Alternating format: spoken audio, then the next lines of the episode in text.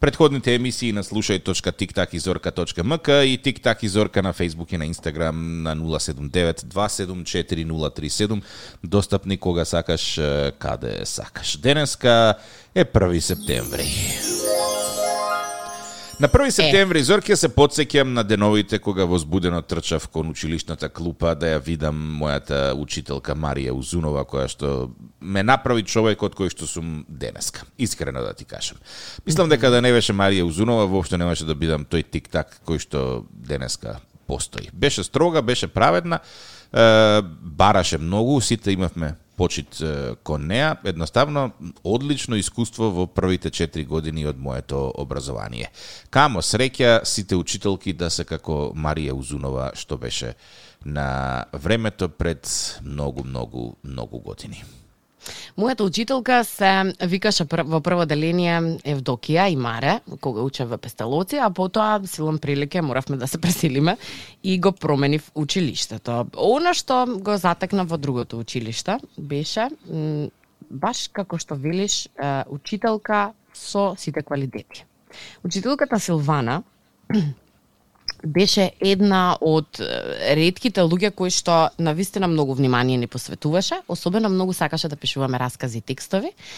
И знам дека ми беше многу кејф да ги читам истите со голема доза на ова раскажувачко искуство сега кое што го имам, веројатно потекнува времето кога да, не тераше да раскажуваме буквално за се. Паѓа ливчето, ајде напишете расказ за ливчето како паѓа. Ту три и пол страни ливчето како паѓа ливчето полека се лелеавеше кон Ама затоа сега кажи ми на било која тема да зборувам без престан со со сати и немам проблем да раскажувам. На времето онаа мотивацијска песна беше брза и брза и прваче кон училишниот двор, е, меѓутоа да. времињата полека полека се менуваат, па и се појави на социјалните мрежи нова верзија на брза и брза и прваче наменета за овие нови генерации на милениалци или што веќе и да се кои што тргаат во училиште, а се вика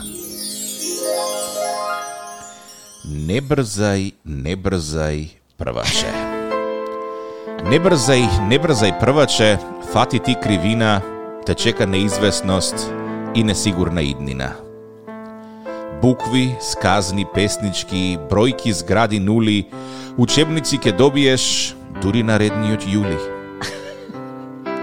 Не брзај, не брзај прваче, кон школската писта.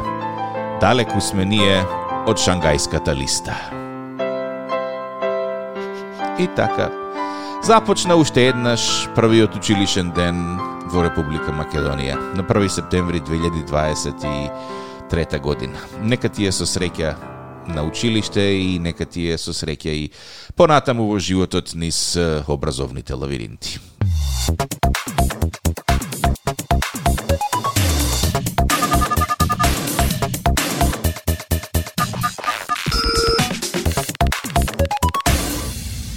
Добро утро. Дали се сеќаваш на времето кога одевме во училиште, веќе кога почнавме да зборуваме за училиштето, дали беше предплатен на ужинки? Е, па бев, па не бев, па бев, па не бев, па така комбинација. Сигурно во првите 2-3 години од школувањето си бил предплатен, за да не те мислат од дома дали ќе јадеш или нема да јадеш. М, во првите година две мислам дека ми пакуваа ужинка од дома. А и после рекоа, еве ти пари, уплати си таму и нека тера. Да, и потоа па кога видов што се нуди таму, реков јас ова да го јадам не доаѓа пред. Ау, имаше никој што беа многу добри. Во вторник сега. само. И што имаше во вторник? Во вторник имаше нешто со еврокрем, ми се чини. Ау, кифла со крем? Да. Е, хм. Еврокрем. Можеш ли да се сетиш што се јадевме преку тие ужинки? Сега вака кога ќе ми тикне, ми тикнува на ам, како се викаш она како како соленче, вака како вртено. Стапче? Врт... Не, не, плетенка? стапче. Како, не, ни плетенка како, како перек ми текна ете сега после 5 минути.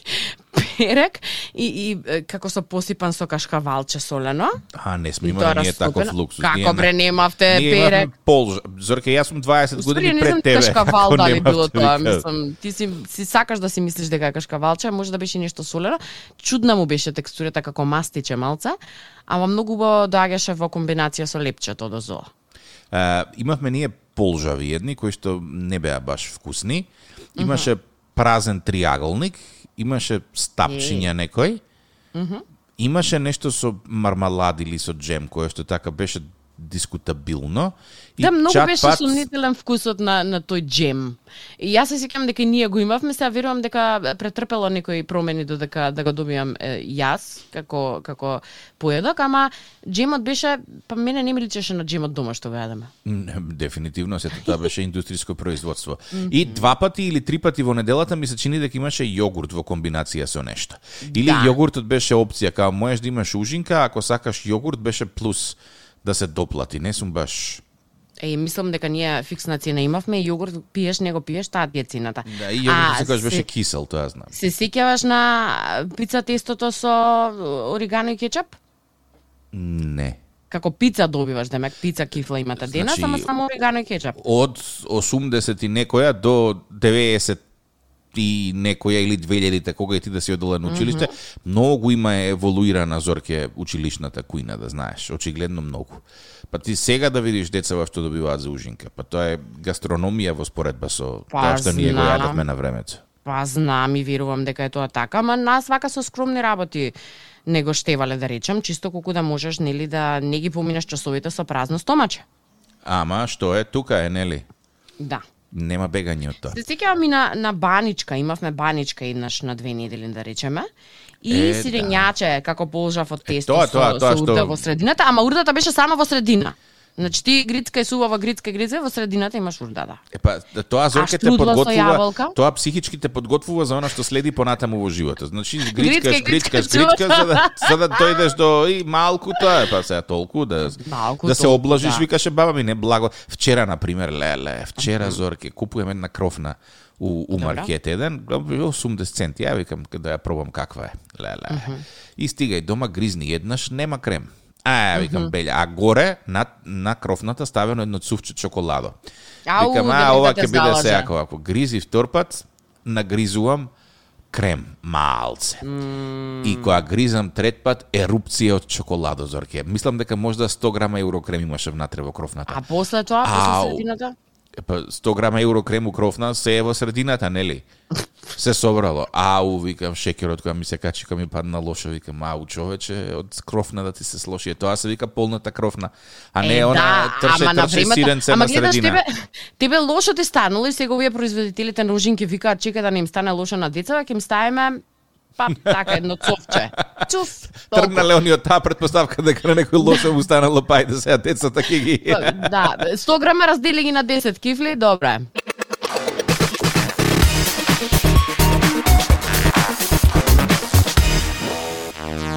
Тик-так и Зорка на Facebook и на Instagram и 079-274-037 телефонскиот број на кој што може да не добиеш.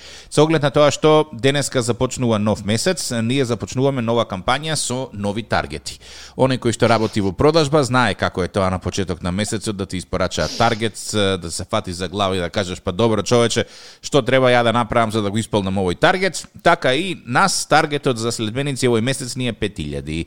Имаме 30 дена да собереме 5000 следачи, инаку тешко нас од менеджментот. Така барем пренесоа, така да сега е вистинскиот момент ти да направиш нешто за нас. Имаш 10 секунди да го извадиш својот мобилен телефон, да ги најдеш тик-так и зорка на некоја од социјалните мрежи, по можност на Facebook или Instagram, да стиснеш лайк и да го вратиш телефонот назад во чанта. Тоа е тоа, 10 секунди, уште еднаш ти ги даваме како 10 за можност. 20, 10 да. за 20. Денес ќе имаме специјална акција 3 за 1. Уште 10 ќе добијат. Да. Ако кликнат лайк, уште 10 ќе добиете, да. И еве ги третите 10 секунди кои што ти ги даваме за да не најдеш на социјалните мрежи, е, да стиснеш лайк за да видиш делчиња од нашиот приватен живот во текот на викендот, mm -hmm. чисто да се запознаеш подобро со нас. Ти благодарам многу за 156 лајкови кои што ги собравме во овие 30 секунди. Таргетот mm -hmm. се надевам дека во текот на денот ќе го е, исполниме. Барем што се однесува до оној дневниот таргет тој дневен таргет ние колку илјада поделено на 5, 200. Значи, ќе го фатиме прилика. Кај да е тука. Е, едно прашање. Ако некого сакаш да го проколнеш, ти сгрешил многу, што е тоа што можеш да му кажеш? Без крвави само молим те. Mm, mm, mm. Сакаш јас да ти кажам што е новото? Да му се скине чорапата на среда скрсница? Што? Да таа господа треба извод да извадиш нов. Сериозно? Вчера имав блиска средба да видам на лице место како тоа изгледа. Добро. И можам да ти кажам колку и да се правиме дека сме модерни од ново време по инакви граѓани со граѓани, сме си го оставиле она исконското внатре во нас. Само да прашам, само да завршам работа, само една минута, само викни го шефот и така натаму. Искрено да ти кажам, не очекував толкави редици и мислев дека сето тоа оди се побрзо и побрзо, меѓутоа не знам дали е тука проблемот се јавува во ам, системот кој што споро работи, во нас граѓаните кои што реално не знаеме што точно бараме и кај точно треба да го побараме, до оние кои што викаат само да прашам нешто или до оние третите кои што се отидени на пауза и не знам кога ќе се вратат. Uh, мислам дека е до сите грешката. Да, да, да, да, дефинитивно затоа што имав и јас искуство со такво нешто, беше документот заклучен во фиока кај шефот.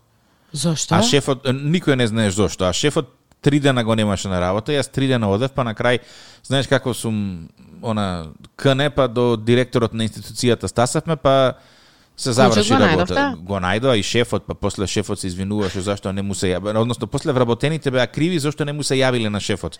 А, шефот никогаш не е крив. Да. За ништо. Да. Прекрасно. Да. да. Така што доколку имате потреба да извадите било каков документ во сега во ова време, со оглед на тоа што нели знаете дека треба да ги смениме сите личните документи, имате предвид дека ќе налетате на големи редици гужви, се надевам дека е, имате доволно трпение за да ја завршите работата гужвата до крај. Мене ми требаше на три пати да доаѓам, првите два пати кога видов кокава е гужвата, викам ќе се обидам и трет пат, третиот пат беше малку по олеснато, да речам по лабаво, ама тогаш кога мислев дека е по лабаво, се соочив со проблемот тој првиот што е во редот да има покомплициран проблем и така си заглавивме добри саат и пол чекање, останатите шалтери нормално дека беа празни.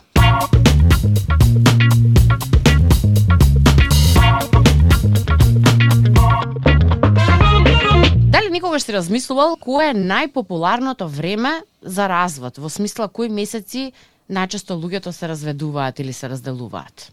Mm, според некоја логика ќе биде или лето или зима. И ќе ти дадам објаснување зошто, затоа што е, имаш летен одмор и зимски одмор.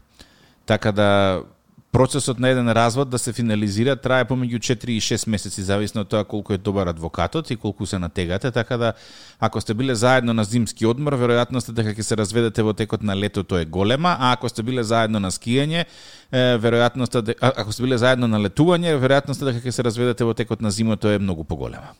Дали сум во право? Сакаш да ми кажеш дека откако луѓето ќе поминат Време финалниот заедно. одмор заедно, решаваат дека тоа е тоа? Па не, види, они не мож, не тргаат на одмор под предпоставка дека е финалниот одмор.